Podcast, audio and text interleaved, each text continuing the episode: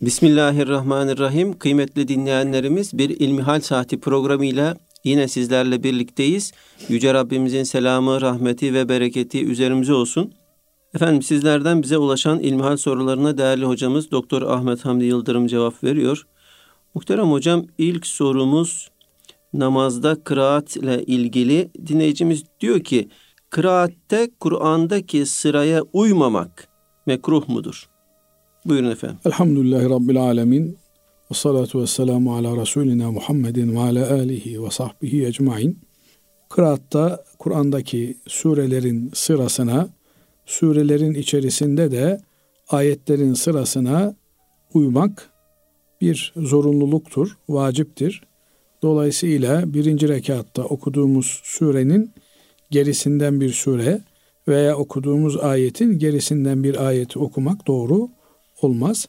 Kur'an-ı Kerim'in Kur'an-ı Kerim'in bir mushaf haline getirilişinde surelerin sıralanması tevkifi dediğimiz Hz. Peygamber aleyhissalatü vesselam Efendimizin şu sureyi şu sureden sonra veya şu sureden önce koyun şeklindeki talimatı üzerine gerçekleşmiştir.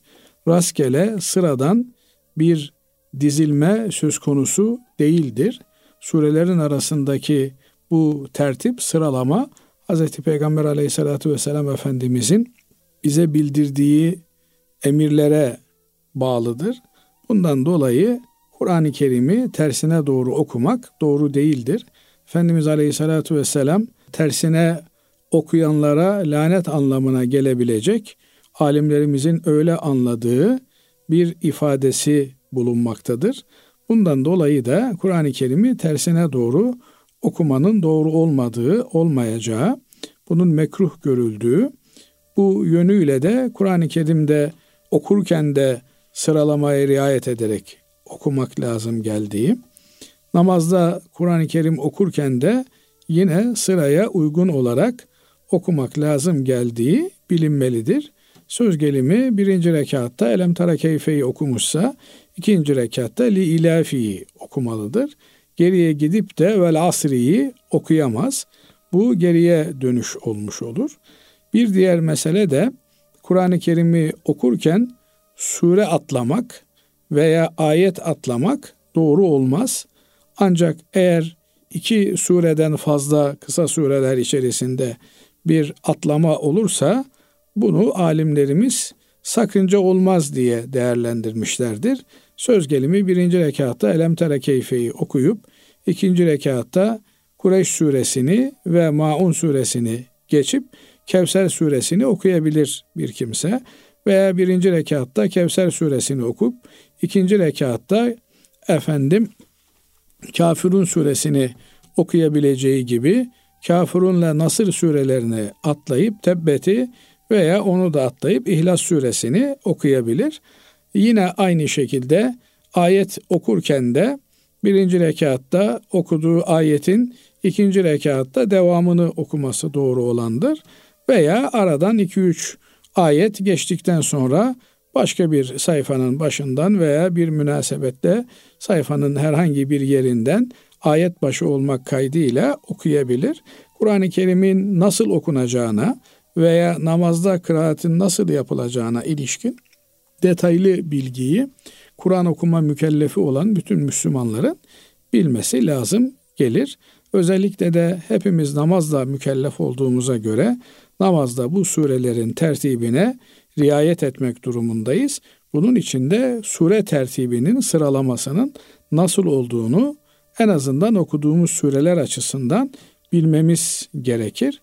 Kur'an eğitimi sadece çocukluk döneminde yaz aylarında Sıbyan mekteplerine hasredilebilecek, oraya indirgenebilecek bir eğitim değildir. İnsan ömrü boyunca her yaşında, her deminde Kur'an kıraatına ehemmiyet vermeli ve bununla ilgili zaman zaman kendisini yoklamalıdır. İnsan tek başına okurken kendisinin çok iyi, çok güzel, çok talimli, çok tecvidli okuduğunu düşünebilir. Ama bir hoca efendinin, bir hafız efendinin rahle-i tedrisine geçip hele ben Kur'an okurken doğru okuyabiliyor muyum? Namazda Fatiha-i Şerife'yi okuyorum. peşinden dammı sureleri okuyorum. Acaba bunları doğru okuyabiliyor muyum? Usulüne, edebine, adabına uygun bir şekilde kıraat edebiliyor muyum diye muhakkak kendi okumasını bir kontrolden geçirmeli her Müslüman. Çünkü namaz dinin direği, din dünyaya geliş maksadımızı teşkil ediyor. Bu yönüyle öyle basit geçiştirilebilecek, laubalilikle bertaraf edilebilecek, savuşturulabilecek bir mesele olmadığını hepimizin bilmesi gerekiyor. Evet Allah razı olsun hocam. Efendim şimdi dinleyicimiz şöyle bize yazmış. Dikkat dağınıklığı olan bir çocuğa doktor piyano çalmasını söylemiş. Piyano çalmak uygun olur mu? Şimdi dikkat dağınıklığı olan bir kimse kime gitmiştir? Psikoloğa gitmiştir, psikiyatra gitmiştir. Bunlardan medet ummak üzere çocuğuna bir takım testler yaptırmıştır. Bunun neticesinde çocukta dikkat dağınıklığı olduğunu görmüşler, sezmişler. Bundan sonra bu tedaviyi uygulayacak olan veya tavsiyeyi verecek olan doktorun kendi e, dünya görüşüne göre, kültürel görüşüne göre tavsiyeler ortaya çıkmaya başlayacaktır. Efendim biraz daha e, farklı bir kültürden gelen bir kimse piyano yerine başka bir şeyi çalmayı da tavsiye edebilir veya sosyalleşmesi için dama oynamasını, kumar oynamasını vesairesini de tavsiye edebilir. Dolayısıyla çocuklarımızı götürdüğümüz, emanet ettiğimiz, özellikle de sosyal bilimler alanındaki doktorların, mutlak surette psikologların, psikiyatrların kendi kültür dünyamız ile bütünleşik olan, onlarla iç içe yaşayan kimselerden olmasına dikkat etmemiz gerekiyor. Öbür türlü bir e, dini hassasiyeti olmayan, sizinle aynı dini değerlere inanmayan, belki sizin inandığınız değerleri reddeden bir psikoloğa, psikiyatra gittiğiniz zaman kaş yapayım derken göz çıkartabilir. Daha fazla sizi depresyona, daha fazla dikkat dağınıklığına itebilir. Bundan dolayı çok rahat bir şekilde biz çocuğumuzun herhangi bir şey çalmasını istemiyoruz. Onun yerine bize önerebileceğiniz bizim kültür dünyamız ile uygun olan bir şey var mı? Ne bileyim e, bağlamadır, sazdır, sözdür vesaire türünden başka tavsiyeleriniz var mı? Ama sizin kültür dünyanızdan bir psikologla bir psikiyatrla oturup kalkarsanız önce sizi tanımaya çalışır, sizin değerlerinizi bilmeye çalışır ve vereceği reçetelerde o değerlerden olunur. Yani burada anlaşılan o adam dikkat dağınıklığını bertaraf etmek için herhangi bir enstrüman çalmasının iyi geleceğini düşünmüş. Bu piyano yerine başka bir şey de olabilir veya daha farklı bir e, faaliyet de tavsiye edilebilir.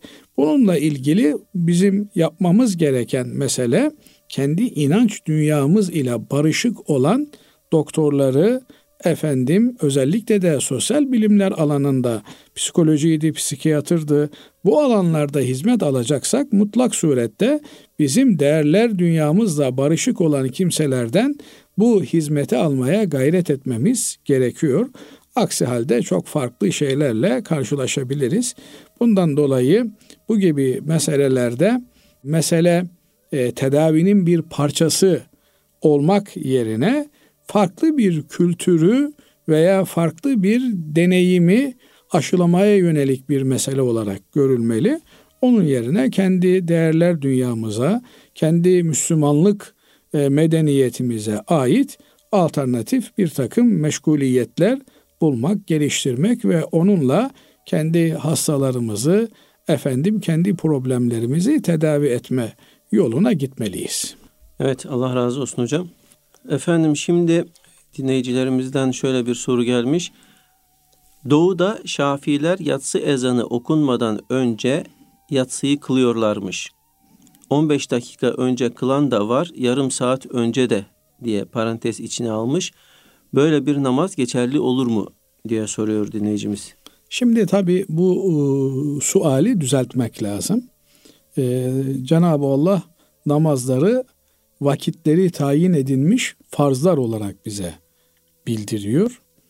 E, binaenaleyh her namazın bir vakti vardır. Bu vaktin bir e, giriş alameti vardır. Bir de vaktin çıktığının alameti vardır. Tabi Efendimiz Aleyhisselatü Vesselam'a ayetlerin indiği dönemde insanların ellerinde saatler yoktu. Belki saat vardı ama e, çok nadir olarak kullanılabilen bir gereçti. O da genelde efendim kum saati vesaire filan türünden pek Arap Yarımadası'nda bulunmayan şeylerdi. Bundan dolayı Cenab-ı Allah e, namazların vakitlerini güneş üzerinden Efendimiz Aleyhisselatü Vesselam'a bildirdi.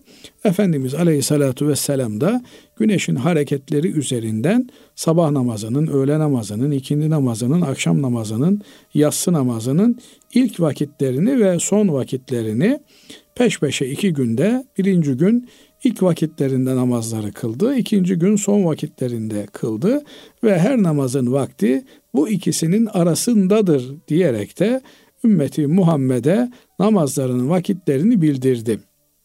Binaenaleyh namazların vakitleri ile ilgili e, bize gelen rivayetlerde çok büyük farklılıklar yok. Sadece bir takım detaylarda farklılıklar söz konusu. Mesela yatsı namazı ile ilgili yatsı namazının vakti ne zaman başlar veya ne zaman biter? Yatsı namazının vaktinin ne zaman biteceğine dair bir ihtilaf söz konusu değil. Yani imsakla beraber yatsı namazının vakti artık bitmiştir. Ondan sonra kılınan namaz yatsı namazı olmaz. Ama ne zaman başlar? Efendim güneşin kızıllığının kaybolmasıyla mı başlar? Yoksa beyazlığının ortaya çıkmasıyla mı başlar veya kaybolmasıyla mı başlar diye bu iki mesele üzerinde ihtilaf edilmiştir. Bunun da sebebi şafak kelimesinin nasıl anlaşılacağına dairdir. Şafak aklık mıdır yoksa efendim kızıllık mıdır? Bununla ilgili ihtilaftan dolayı cumhur alimler yatsı namazının vaktinin Ebu Hanife Hazretlerine göre bir 15 dakika erken girdiğini söylemektedirler. Bizde de ben çocukluğumdan beri hatırlarım, bilirim. Derler ki akşam namazını erken kılmak lazım. Çünkü akşam namazının sonuna doğru bir ara vakit var denirdi. O vakte bırakmayın akşam namazını. Aslında orası bazı mezheplerde yatsı namazının başladığı vakte denk gelmektedir. Binaenaleyh ihtiyatlı olan akşam namazını erken vakitlerde kılmak, yatsı namazını da olabildiğince tehir ederek, geciktirerek kılmak. Ama bir bölgedeki efendim e, farklı mezhebe mensup olan Şafi mezhebine mensup olan işte ne bileyim Maliki mezhebine, Hanbeli mezhebine hatta Hanefi mezhebinde Ebu Hanife'nin dışındaki iştihatlara bağlı olan bir takım Müslümanlar burada farklı bir uygulamaya gidebilirler. Bu yatsı namazını yatsı namazının vaktinden önce kıldıkları şeklinde ifade edilemez sadece ve sadece şu denilebilir. Bu kardeşlerimize göre yatsı namazının vakti diğer e, Müslümanların tabi olduğu mezhebe göre 15 dakika erken girmektedir. 20 dakika erken girmektedir. Yoksa namazın vaktinin dışında öncesinde veya sonrasında namazın kılınması halinde o namazın en temel şartlarından biri olan vakit şartı ihlal edildiğinden dolayı şartları yerine getirilmeden kılınan bir namaz namaz olarak kabul edilmez. Nasıl abdestsiz olarak kılınan bir namaz namaz değilse, nasıl setri avret olmaksızın kılınan bir namaz namaz sayılmıyorsa, vaktinden önce veya vakti çıktıktan sonra kılınan öğle namazı da öğle namazı olarak kabul edilmez. Ancak geriye dönük öğle namazının kazasını kılabilir bir kimse. Ama söz gelimi bugün e, İstanbul'da öğle namazı efendim biri 15 geçe giriyorsa veya biri 20 geçe giriyorsa biri 12 buçukta namaz kıldığında bu öğle namazı olmaz. Çünkü henüz öğle namazının vakti girmemiştir. Yatsı namazı için de aynı şey söz konusudur. Ama bir müştehidin e, iştihadı eğer üzerinde bir icma söz konusu olmamışsa ki biz dini nihayetinde Hz. Peygamber aleyhissalatü vesselam Efendimiz'den bu dini görmüş, yaşamış olan sahabe efendilerimizden gelen rivayetlerden öğreniyoruz. Bazı sahabe efendilerimiz bu rivayetleri öyle anlatırken bazıları böyle anlatmış olabiliyorlar. Binaenaleyh bunlardan hangi bir tanesine tabi olursak o bizim Efendimiz Aleyhisselatü Vesselam'a tabi olduğumuz anlamına gelir. Mezhep imamları da kendileri ya sahabe efendilerimizden bizzat duymuşlar veya araya tabi'in nesli girmiş onlardan duymuşlar, öğrenmişler ve ona göre de bu iştihatları yapmışlardır. Binaenaleyh bu gibi meselelerde e, evet ihtiyatlı olan az önce de ifade etmeye çalıştığım gibi yatsı namazını bir miktar geciktirerek kılmaktır. Böylelikle bütün alimlerimize, hocalarımıza göre yatsının vakti girmiş olur. Ama bir bölgede yaygın olan uygulama efendim filan mezhebin görüşünün tatbik edilmesi ise o bölgede yaşayan insanlar bu e, mezhebe tabi olan insanlar bu görüşü uygulayabilirler. Mamafi burada eğer bir Müslüman şöyle bir ikilemde kalırsa efendim ya cemaatle erken denilen vakitte yatsı namazını kılacağım ya da cemaatsiz efendim yarım saat sonra bir saat sonra tek başıma kılacağım diye bir ikilemde kalırsa şunu unutmamak gerekiyor ki cemaat en önemli birlikteliğimizdir. Namazın cemaatle kılınması en önemli meselelerimizden bir tanesidir. Bundan dolayı cemaate ehemmiyet vermek gerekir. En fazla e, efendim belli bir vakitten sonra üzerimden henüz sakıt olmamış olan en sonki yatsı namazını niyet ederek bir namaz kılmaktır. Böylelikle hem içindeki o vesveseyi, şüpheyi bertaraf etmiş olur. Ama önemli olan namazı cemaatle kılmış olur. Ancak eğer cemaate sözü geçiyorsa, eğer sözü dinlenen efendim e, kontrolün kendisinde olduğu bir kanaat önderi ise bu kardeşimiz o zaman der ki kardeşler bu mesele mezhepler arasında ihtilaf konusudur. Gelin biz bir 10 dakika daha, 15 dakika daha, 20 dakika daha bekleyelim. Böylelikle namazı vaktinde kılmış olalım. Bu arada tabi bu kardeşimizin böyle bir ifade kullanmasının sebebi Diyanetimizin çıkartmış olduğu takvimdeki saatler olabilir. Buradan hareketle 10 dakika önce kılıyorlar, 10 dakika sonra kılıyorlar diye bir iddia ile bir takım Müslümanları it, itham etmek de doğru değildir. Diyanetimiz olabildiğince ihtiyatlı olarak bu işlerde hareket etmeyi tercih etmektedir ve bu ihtiyatlı davranışları bir takım yerlerde farklı anlaşılmalara da yol açabilmektedir. Burada da Müslümanlar kendi aralarında ihtilafı hoş görebilmeliler. Özellikle de dayanağı hadis olan, ayeti anlama olan, hadisi anlama olan ihtilaflarda birbirlerimizi mazur görebilmeli ve birliğimizi, bütünlüğümüzü, cemaatimizi aksatmayacak, bozmayacak şekilde davranmaya gayret etmemiz gerektiğini bir kez daha bu vesileyle hatırlatmak isterim. Allah razı olsun hocam. Değerli dinleyenlerimiz kısa bir araya gidiyoruz. Aradan sonra tekrar birlikte olacağız inşallah. Kıymetli dinleyenlerimiz İlmihal Saati programımıza kaldığımız yerden devam ediyor. Muhterem hocam bir Kur'an kursundan bir soru bize gelmiş. Deniyor ki Şafii mezhebine mensup bir öğrencimiz iftitah tekbiri almadan namazlara başlıyor. Ellerini kaldırıyor ama Allahu Ekber demiyor. Yıllarca böyle namaz kılmış, kaza mı etmesi gerekir?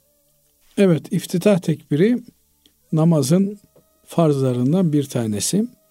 Dolayısıyla namaza girerken bir cümleyle namaza giriyoruz. Bu Allahu Ekber e, olmalı e, veya Allahu Azam türünden ifadelerle Cenab-ı Allah'ı yücelten, takdis eden ifadelerle olmalı. Ama bunun Allahu Ekber lafzıyla olması bütün Müslümanlar arasında bilinen, kabul edilen bir meseledir. binaenaleyh namaza girerken bir giriş cümlesi olarak bunu söylemek gerekiyor.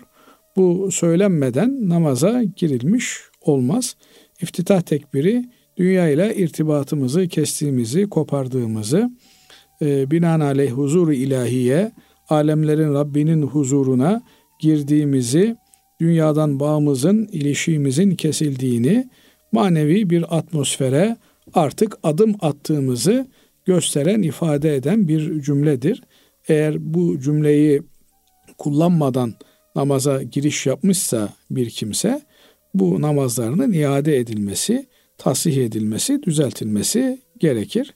Hanefi mezhebi açısından durum böyle. Öyle zannediyorum ki Şafii mezhebinde de farklı bir durum söz konusu değildir. Çünkü e, namazın nasıl kılınacağını Efendimiz Aleyhisselatü Vesselam ashabına anlatıyor ve beni gördüğünüz gibi ben nasıl namaz kılıyor isem siz de öyle namaz kılınız buyuruyor. Sallu kema ra'eytumuni usalli. Binaenaleyh namazda asıl olan Efendimiz Aleyhisselatü Vesselam'ın gözlenerek nasıl namaz kılıyor ise öyle namaz kılmaktır. Efendimiz Aleyhisselatü Vesselam'ın iftitah tekbiriyle namazı kıldığını, onun namazını anlatan hadis-i şeriflerden biliyoruz. Bu bir temel olarak kabul ediliyor. Binaenaleyh bu noktayı böyle bilmek gerekiyor. Vamafi yine bir Şafi fıkhına hakim olan Hoca Efendi'ye sormak suretiyle teyit edilmesinde de fayda olduğu kanaatindeyim. Değerli hocam e, diğer bir sorumuz şöyle. Çelik yüzük takmak neden mekruhtur?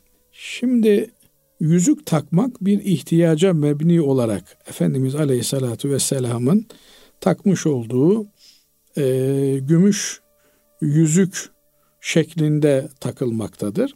Efendimiz Aleyhisselatü Vesselam bu yüksüğü e, yeri geldiğinde mühür olarak kullanmıştır. Onun kaşında Efendimiz Aleyhisselatü Vesselam'ın e, mühür olarak kullandığı ibare bulunmaktaydı ve e, bir takım belgelere, anlaşmalara bu e, elindeki yüksük ile ki Arapçası hatemdir. Aynı zamanda mühür anlamına da e, gelen bir e, kelimedir. Bu maksatla Efendimiz Aleyhisselatü Vesselam kullanmıştır. Bunun haricinde erkeklerin e, ellerinde, yüzlerinde, vücutlarında zinet eşyası takmaları doğru görülmemiştir. Çünkü süslenmek bizatihi kendileri de bir zinet olan, süs olan kadınlara mahsus bir meseledir. Erkekler temiz, sade olurlar. Öyle olmaları tavsiye edilmiştir. Yüksük bir ihtiyaçtan dolayı kullanılmaktadır. Onun haricinde ihtiyaç olarak görülmeyen bir takım şeylerin, kolyelerin, efendim küpelerin, bileziklerin vesairelerin ele, bileğe, boyna takılması caiz görülmemiştir. Bunu e, zikrederken alimlerimiz bakırın, çinkonun, demirin bu anlamda kullanılmasının da mekruh olduğunu, mekruh olmasının sebebi istisnai bir durum olduğu için parmağa bir şey takmak, bunun sünnette bir karşılığının olması lazım gelir. Sünnette karşılığı olmadığı için, sünnette karşılığı olmayan bir şeyi özellikle de zinet anlamı taşıyacağı için bir süs, süslenme manası taşıyacağı için doğru görmemişlerdi. Çünkü süslenme kadınlara mahsus bir özelliktir. Kadınsı bir durumdur. Erkekler süslenme ihtiyacı hissetmezler. Ama yüksük takmış Efendimiz Aleyhisselatü Vesselam o gümüş takmış. Binaenaleyh gümüş yüzük takarak bu ihtiyaç görülebiliyorsa bu ihtiyaç görülür. Onun haricinde ki e, demirdir, bakırdır, sarıdır benzeri şeylerin e, takılması bir ihtiyaca mebni olmadığından dolayı doğru görülmemiştir. Ama bununla ilgili de e, açık bir yasak bulunmadığından dolayı da kesin haramdır ifadesi de kullanılmamıştır. Binaenaleyh eğer bir faydası olduğu düşünülüyorsa efendim şimdi e, akikten yüzükler yapılıyor. Onun işte efendim insan stresini aldığı vesaire filan söyleniyor. hakikaten böyle tecrübi bir faydası olduğu biliniyorsa bir takım nesneleri takmanın onların takılmasında bir problem olmasa gerektir. Ama böyle bir faydası olmayıp da bir süslenme, bir süs zinet maksadıyla takılması doğru olmaz. Şöyle bize sorulmuş değerli hocam. Hanefiler dışındaki mezheplere mensup Müslümanlar yolculukta zorluk olmasa da cem yapıyorlar. Bu caiz midir? Şimdi Efendimiz Aleyhisselatü Vesselam'ın hayatında 3-4 defa cem yaptığı rivayetlerde geçiyor. Hangi münasebetle bu cemleri yaptığına dair de farklı rivayetler bulunmakta. Ama yolculuğun bunlardan bir tanesi olduğu zikredilmekte. Hanefi mezhebi cem dediğimiz iki namazın bir namazın vaktinde kılınması meselesini sadece hac ibadeti esnasında Arafat vakfesi ile Müzdelife vakfesi e, esnasında caiz görürler, doğru görürler. Binaenaleyh Arafat'ta vakfe yapılırken öğle ile ikindi, öğle namazı vaktinde cem'i takdim ile kılınır. Hava karardıktan sonra akşam namazı vaktine yaklaşınca artık Arafat'tan Müzdelife'ye intikal edilir. Bu intikalde de iki akşam namazının vakti geçer. Yatsı namazının vaktinde akşam namazıyla yatsı namazı cemi tehir dediğimiz yatsı namazının vaktinde ikisi beraber olmak üzere kılınır. Asıl olan her namazın kendi vaktinde kılınması olduğu için e, ayeti kerimede de namaz şüphesiz müminler üzerine vakitleri tayin edilmiş bir farzdır ifade edildiğine göre namazın vaktinin içerisinde kılınması asıl olandır, doğru olandır. Çünkü Cenab-ı Allah namazı vakitli bir ibadet olarak bizlere emretmiştir.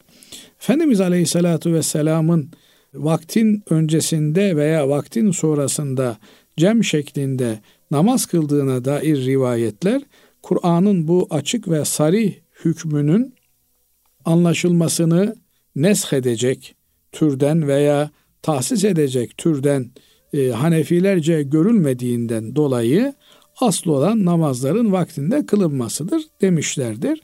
Hatta daha da ileriye gitmişler ve namazın vaktinin dışında kılınmasının büyük bir günah olduğunu dile getirmişlerdir.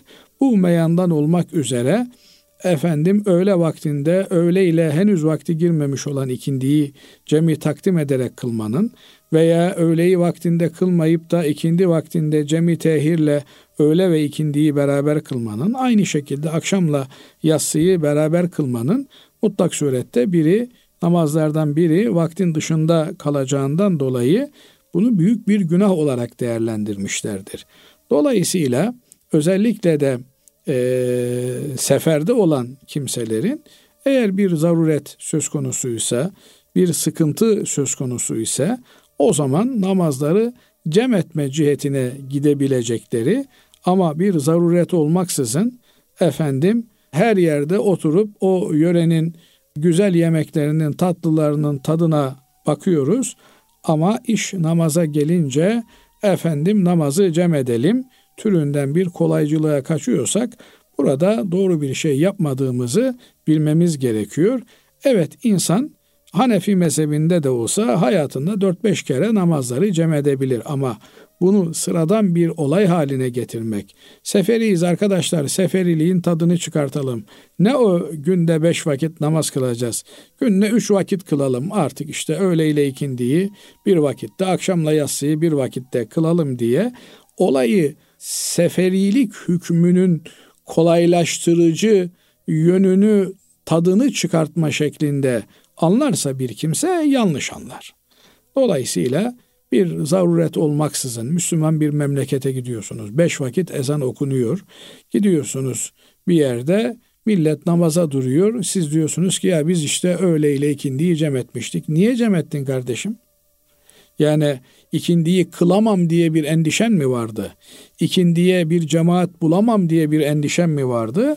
E yok o zaman cem etmenin bir anlamı yok. Ama bir takım gayrimüslim ülkelere gittiğinde insan hem abdestle ilgili problemi var, hem güvenlik problemi var, hem namaz kılma yeri noktayı nazarından sıkıntılar varsa buralarda belki cem edebilir veya efendim uçuş saatlerine denk geliyor.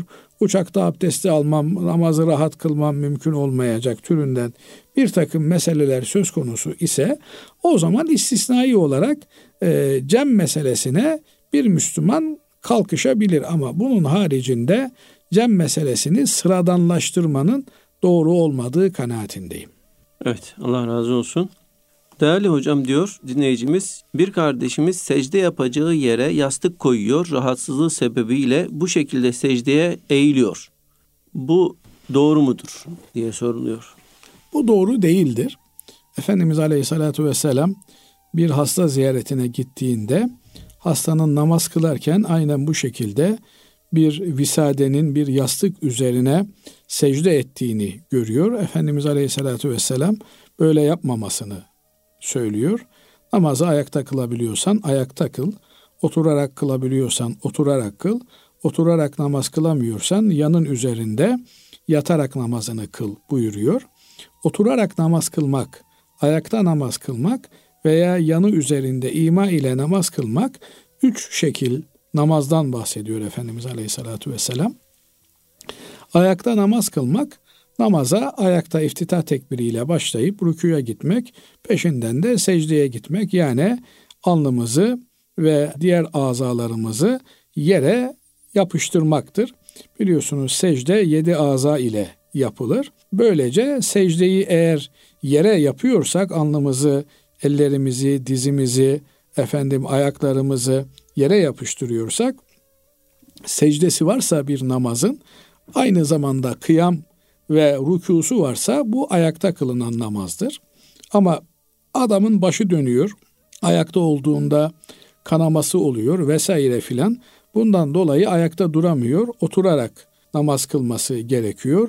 Oturduğunda yine secdeyi yere yapıyorsa yani alnını, burnunu, ellerini, dirseklerini, ayaklarını yere yapıştırarak secde yapıyorsa sadece ayakta duramadığından dolayı bu kimse oturarak namaz kılmıştır ama oturduğu yerde de secdeye gitmiştir. Alnı burnu secdeye değmiştir. Buna da oturarak kılınan namaz diyoruz. Bunun haricinde yani secdesi olmayan namaza biz ima ile kılınan namaz diyoruz. İster bunu efendim sandalyede kılmış olsun, isterse de yatakta kılmış olsun. Burada eğer bir kimse secdeye alnını koyamıyor, burnunu, ellerini, dirseklerini vesaire diğer azalarını koyamıyorsa bu kılınan namazın adı ima ile kılınan namazdır. İma ile kılınan namazda da alnımıza bir şeyi yaklaştırmanın işte efendim yastıktır ve benzeri nesneleri yaklaştırmanın veya Çin'e gittiğimde orada bazı camilerde görmüştüm. Böyle e, öğrenci sandalyeleri gibi, masaları gibi masalar koymuşlar. Orada oturarak kılıyor ve masaya da alnını koyuyor, secde ettiğini düşünüyor. Bu secde yerine geçmez. Efendimiz Aleyhisselatü Vesselam bunu yasaklamıştır. Doğru olan eğer e, secdeye gidebiliyorsa bir manisi yoksa gücü kuvveti takati yerindeyse secdeye gitmesidir. Yok hastalıktan dolayı herhangi bir illetten dolayı böyle yapamıyorsa o zaman namazını ima ile kılar. Başını yere koymakta problemi var ama ayakta durmakta, ayakta rüküye gitmekte problemi yoksa bir kimsenin o zaman sandalyede oturarak ima ile namazını kılabilir. Ama yere oturabiliyorsa, yere oturduğunda kıyamdan mahrum kalıyor, belki tam rükudan mahrum kalıyor. Secde zaten yapamıyor. Böyle bir durumda yere oturması mı yoksa kıyam ve rükusu olan efendim sandalyede ima ile namaz kılması mı? Hanefi mezhebi yere oturmanın ayakta kılmaktan daha faziletli olduğunu söyler. Yani eğer e, secde yoksa, e, yere secde edemeyecekse hasta olan kişi ayakta kılması mı, oturarak kılması mı, oturarak kılması tercihe şayandır der. Allah razı olsun hocam.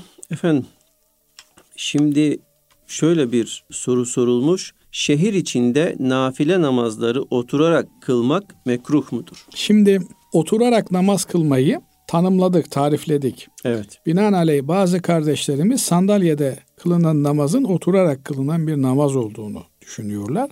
Sandalyede kılınan namaz eğer secdesi yoksa yani kişi sandalyeden secdeye gidip alnını yere koymuyor, ellerini, dirseklerini, ayaklarını yere koymuyorsa sandalyede de kılsa, yatakta da kılsa bu namaz ima ile kılınan namazdır.